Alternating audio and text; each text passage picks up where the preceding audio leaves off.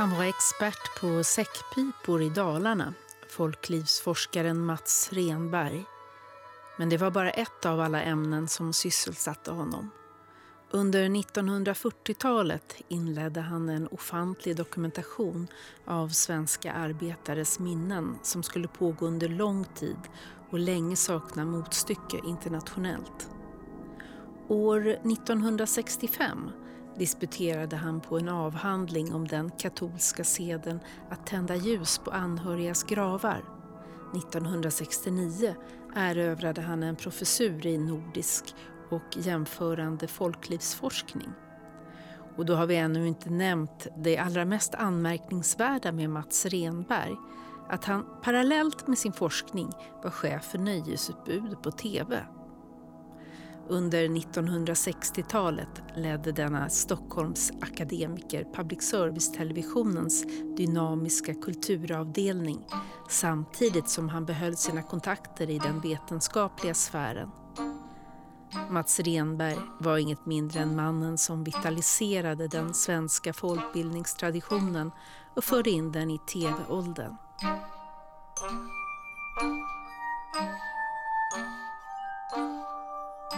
Du lyssnar på Anekdot Essä, Folkbildaren som försvann. Skriven av Johan Östling, inläst av Magdalena Indebeto. Idag låter det egendomligt.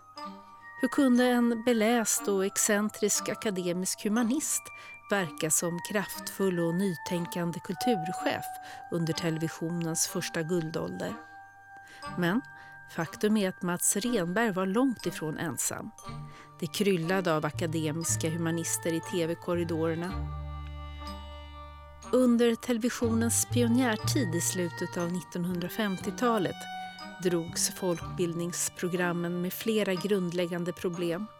Ett av dem, hävdade kritikerna, var att de var modellerade på radions folkbildningstradition och inte drog nytta av det nya mediets fulla potential.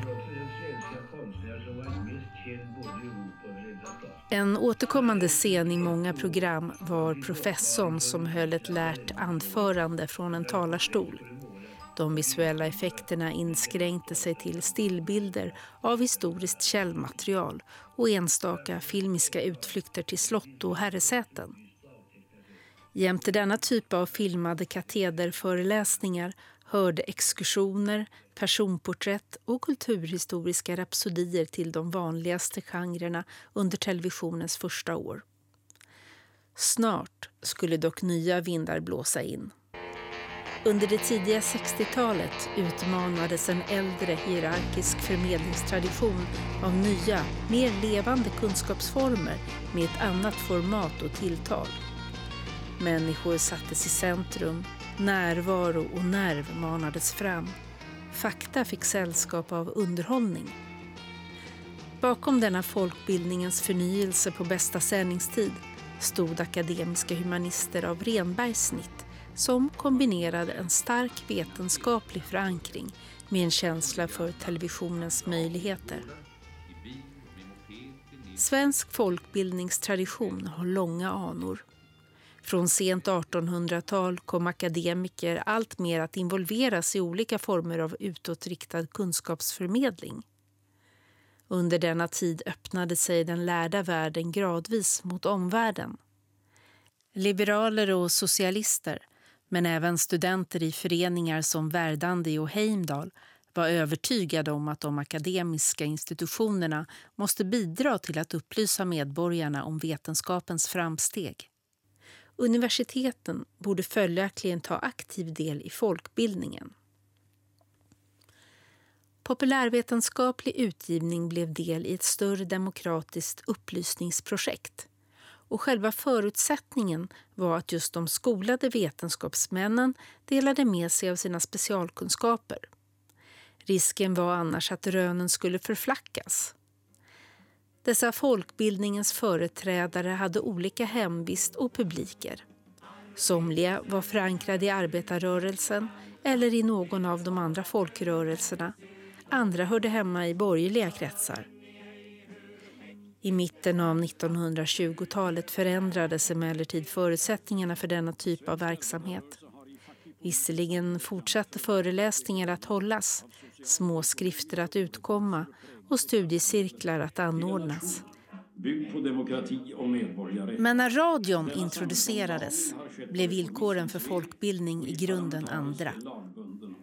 Under 1930 och 40-talen närdes drömmar om radion som ett gigantiskt folkuniversitet och professorer och docenter tog tidigt plats vid mikrofonerna i Sveriges största hörsal. Den första radiostyrelsen såg som sin uppgift att rekrytera seriösa, allmänbildade medarbetare med ett gediget kulturellt kapital.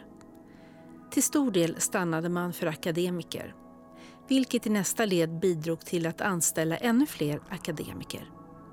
Resultatet blev att tre fjärdedelar av programpersonalen på radion vid andra världskrigets slut hade akademisk utbildning av något slag. Sverige skilde sig härvidlag inte från andra västeuropeiska länder. Den främsta förebilden, BBC, hade hämtat många av sina medarbetare från Oxford eller Cambridge. Följaktligen knöts många välmeriterade humanister till radion under pionjärtiden. Karl Anders Dymling hade skrivit en licentiatavhandling i litteraturhistoria i Göteborg och var verksam som kritiker innan han rekryterades till radion. Han steg i graderna och var radiochef 1936 till 1942. Under den tiden verkade även Hjalmar Gullberg som chef för Radioteatern. Den skånske poeten hade studerat latin, grekiska och litteraturhistoria i Lund och blivit filosofie licentiat innan han knöts till Radiotjänst. Gösta Knutsson, sedermera mest känd för sina böcker om Pelle Svanslös, hade läst humaniora i Uppsala innan han enrollerades i radion. Han skulle i slutet av 30-talet lansera frågesport som radioformat och ofta återkomma i detta sammanhang i sällskap med den allvetande latinisten Einar Haglund. Även andra humanister med högre examina hördes i eten under denna tid. Klassikern Ivar Harje bidrog med litteraturkrönikor. Historikern Ingvar Andersson var chef för föredragsverksamheten och nordisten Gunnar Helén dök upp i en rad olika program. I andra världskrigets kölvatten befäste radion sin ställning som centralt medium i det nationella folkbildningsarbetet. Precis som tidigare var den manliga dominansen påtaglig. Ett undantag utgjordes av författaren Ebba Lindqvist. Uppvuxen i Grebbestad hade hon sökt sig till Uppsala och avlagt filosofisk ämbetsexamen i bland annat tyska, franska och nordiska språk. Vid sidan av det egna författarskapet var hon därefter verksam som lärare och kritiker. År 1954 blev Lindqvist en av ledarna för radions litterära program Lyriskt forum ett uppdrag hon skulle behålla fram till 1967.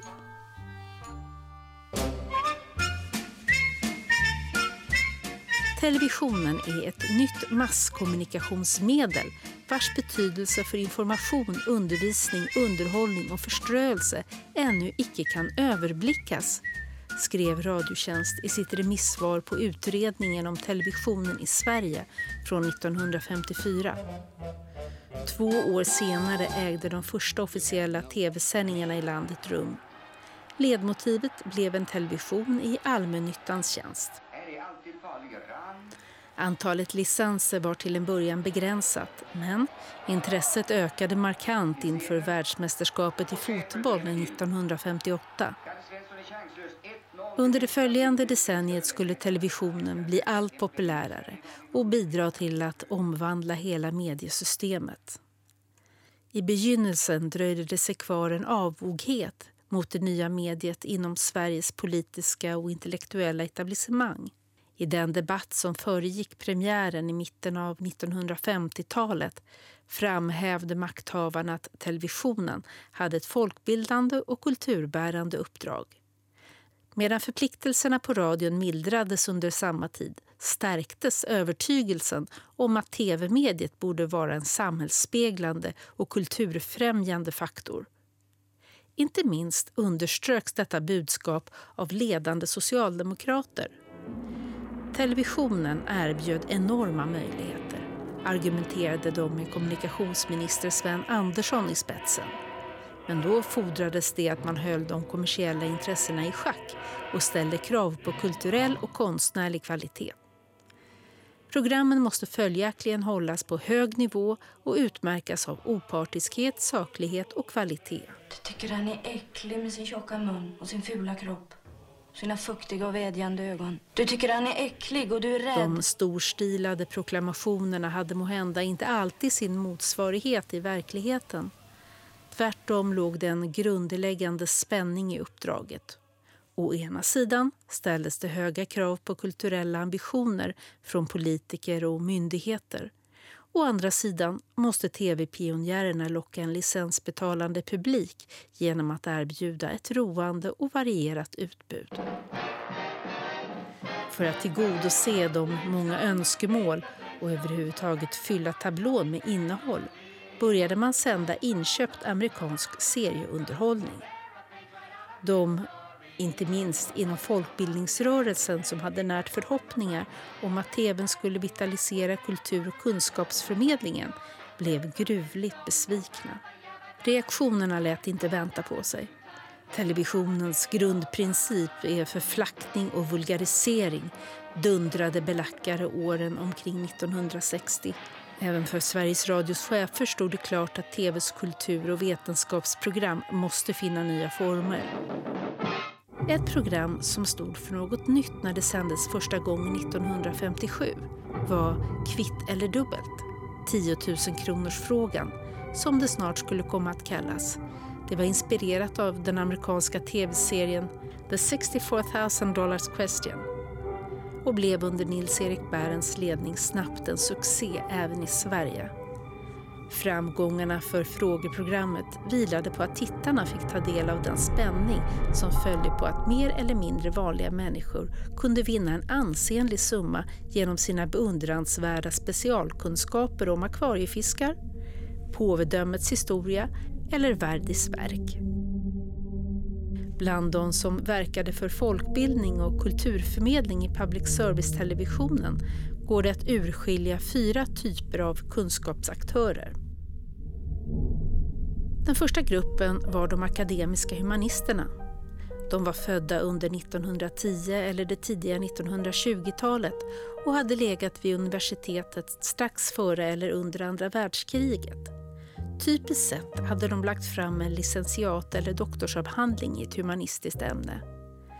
Kontakterna med hemuniversiteten kunde vara livliga och deras akademiska identitet var påfallande tydlig. Renberg hörde själv till denna grupp men det gjorde även åtskilliga andra som var med och formade den unga televisionens kultur och bildningsutbud. Efter eller parallellt med sina högre studier tog de steget över i etermedierna. Vanligen först radion och sedan televisionen. Under 1960-talet var de chefer, producenter, programledare eller programmakare med inriktning mot kunskapsförmedling och folkbildning. En andra grupp av kunskapsaktörer bestod av folkhemshumanisterna. Dessa personer, inte sällan män födda omkring 1930, hade sin bakgrund i universitetens studentmiljöer. Majoriteten av dem hade läst humaniora men också ägnat en inte oansenlig del av sin studietid åt spex, teater och musik. Bland de som snart skulle göra sig ett namn fanns Tage Danielsson, Carl Uno Sjöblom och Hans Alfredsson. I regel rekryterades de till radion eller televisionen av de något äldre akademiska humanisterna. Men i motsats till dem saknade de egna vetenskapliga publikationer och aspirationer. De var alla underhållare och nöjesmänniskor som i sin folkbildningsinsats utnyttjade andra medel än den traditionellt akademiska repertoaren för kunskapsförmedling. Den tredje delen som bar upp 1960-talets folkbildning var tv-professorerna. Dessa män, kvinnliga professorer var ännu ytterst sällsynta, hade liksom de akademiska humanisterna ägnat åtskillig tid åt studier men blivit kvar i den lärda världen efter disputationen. Universitetet var deras sanna bas. Etermedierna erbjöd enbart ett välkommet men tillfälligt påhugg. Somliga av dem satt säkert på sin lärostol, andra var docenter med siktet inställt på en professur. Deras hemvist var företrädesvis den humanistiska fakulteten men också grundforskningsinriktade naturvetare och medicinare kunde räknas till denna grupp. Sex representativa exempel av tv-professorn hittar man i programmet Fråga Lunds ursprungliga panel från 1960-talet. Sist och slutligen har vi kunskapens scenarbetare. Det rör sig om de som sällan hördes i eten eller syntes i rutan utan som verkade i kulisserna. Skriptor, biträden, sekreterare, amanuenser, producenter, det vill säga icke-teknisk personal som var involverad i programproduktionen. Andelen kvinnor var här betydligt högre än inom de tre andra grupperna. En del av dem avancerade så småningom inom Sveriges Radio och kunde med tiden få stort inflytande över programmens utformning. En typisk företrädare för kunskapens scenarbetare var Ursula Richter efter språkstudier vid Stockholms högskola blev hon nyhetsuppläsare och skripta innan hon blev den första kvinnliga underhållningsproducenten 1961. Bland annat hade hon under lång tid ansvar för Sommar, På minuten och Svar idag. Det sistnämnda ett program dit lyssnare kunde ringa in för att ställa frågor till en grupp ämnesexperter. Ett annat exempel är Maud Reuterswärd. Hon var utbildad lärare men började i unga år vid radion. I mitten av 1950-talet blev hon redaktör på kulturredaktionen och skulle under många år kombinera reportage, intervjuer och krönikor med arbetet som producent. Ytterligare personer som följde en likartad bana var Vivica Billqvist, Monica Boetius, Elisabeth Husmark och Gunnel Linde. Kort sagt hade i stort sett alla som arbetade med folkbildning på tv under 1960-talet egna erfarenheter av humanistiska studier på hög nivå. Alla dessa kunskapsaktörer hade olika roller och arbetsbeskrivningar men de samspelade på ett fruktbart sätt. En av de lagerkransade humanister som gjorde stora insatser under televisionens pionjärtid var litteraturhistorikern Gunnar Åhlén Redan under andra världskriget anställdes han på Radiotjänst och 1950 blev han chef för Sveriges Radios södra distrikt. En befattning han skulle behålla fram till pensioneringen 1979. Tidigt, redan under början av 1950-talet, inspirerades Åhlén av försigkomna danska tv-entreprenörer. Han satte ihop ett program som sändes från Köpenhamn med destination Skåne. Stockholmaren Åhlén var övertygad om Sydsveriges potential.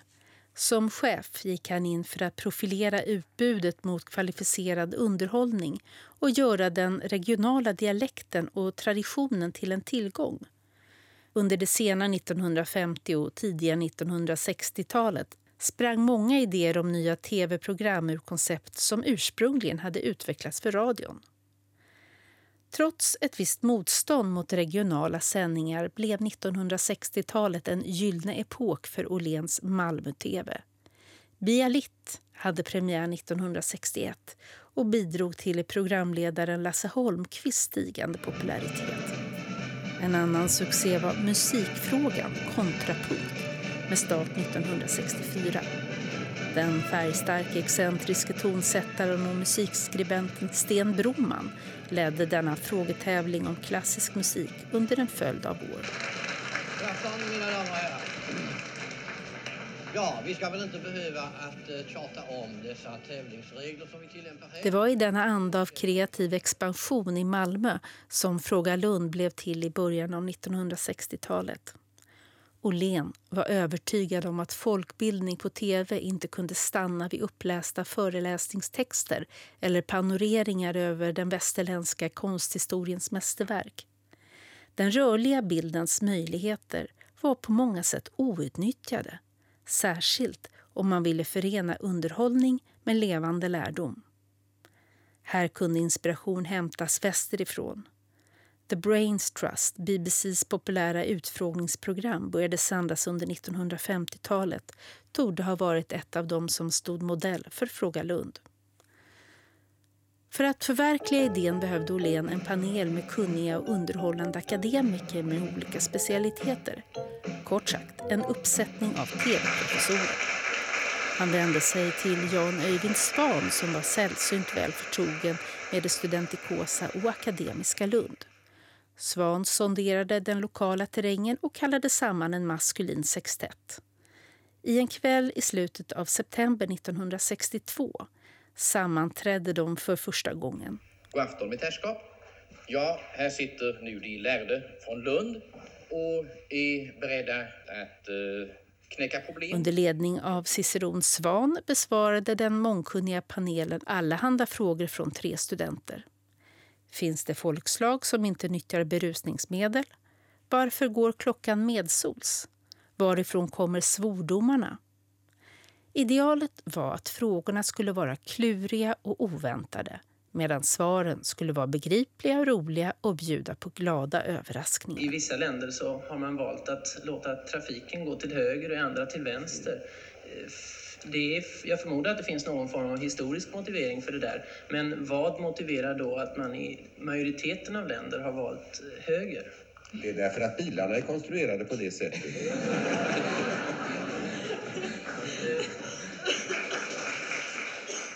Utile Dulci. Programmets inofficiella motto hade Svan lånat från Horatius. Det nyttiga förenat med det nöjsamma. Fråga Lund blev under ett antal år ett omåttligt populärt tv-program som förde samman folkbildning och underhållning på ett nydanande sätt. Det skulle med kortare uppehåll sändas kontinuerligt fram till millennieskiftet. Programledare och paneldeltagare byttes ut men grundidén förblev densamma. Men redan mot slutet av 60-talet började kritik väckas mot programmet.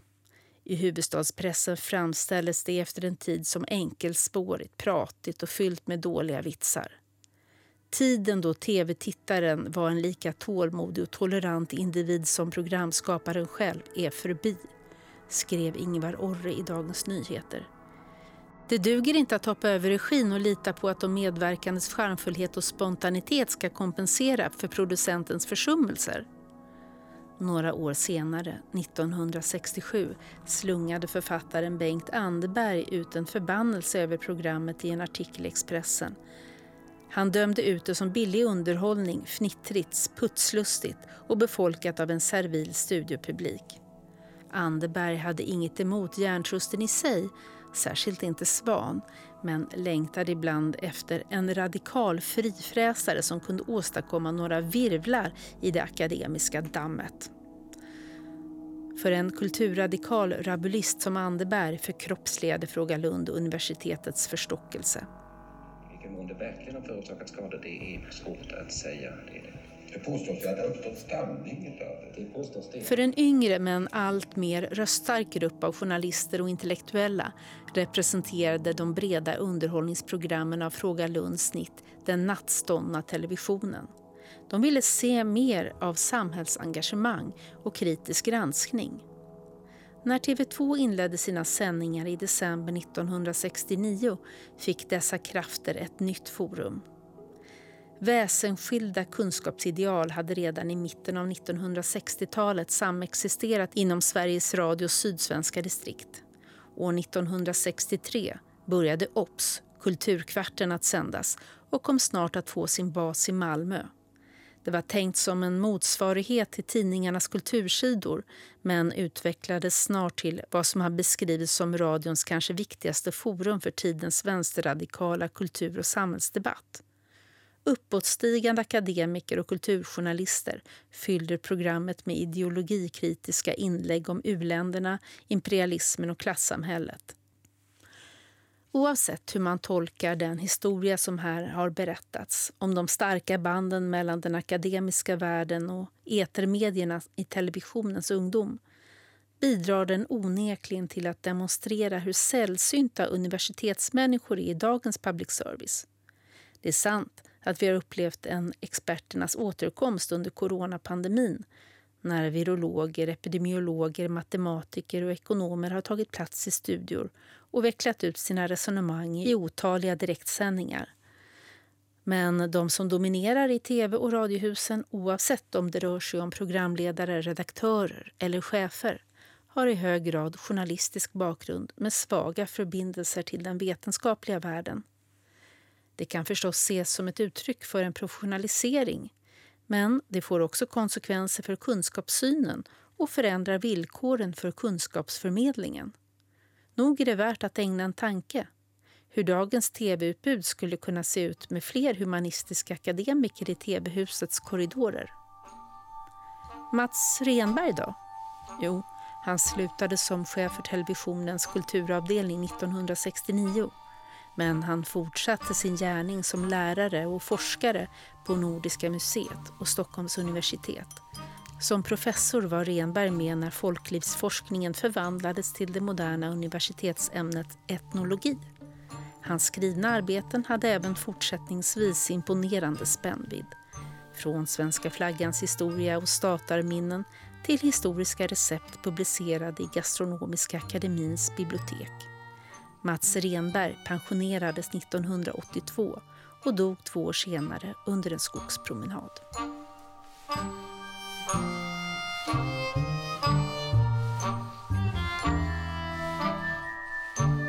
Du har lyssnat på Anekdot Essä, en del av bildningsmagasinet Anekdot. Musik Oskar Schönning, regi Lars Indebeto, producent Magnus Bremmer. Fler essäer, poddar och filmer hittar du på anekdot.se.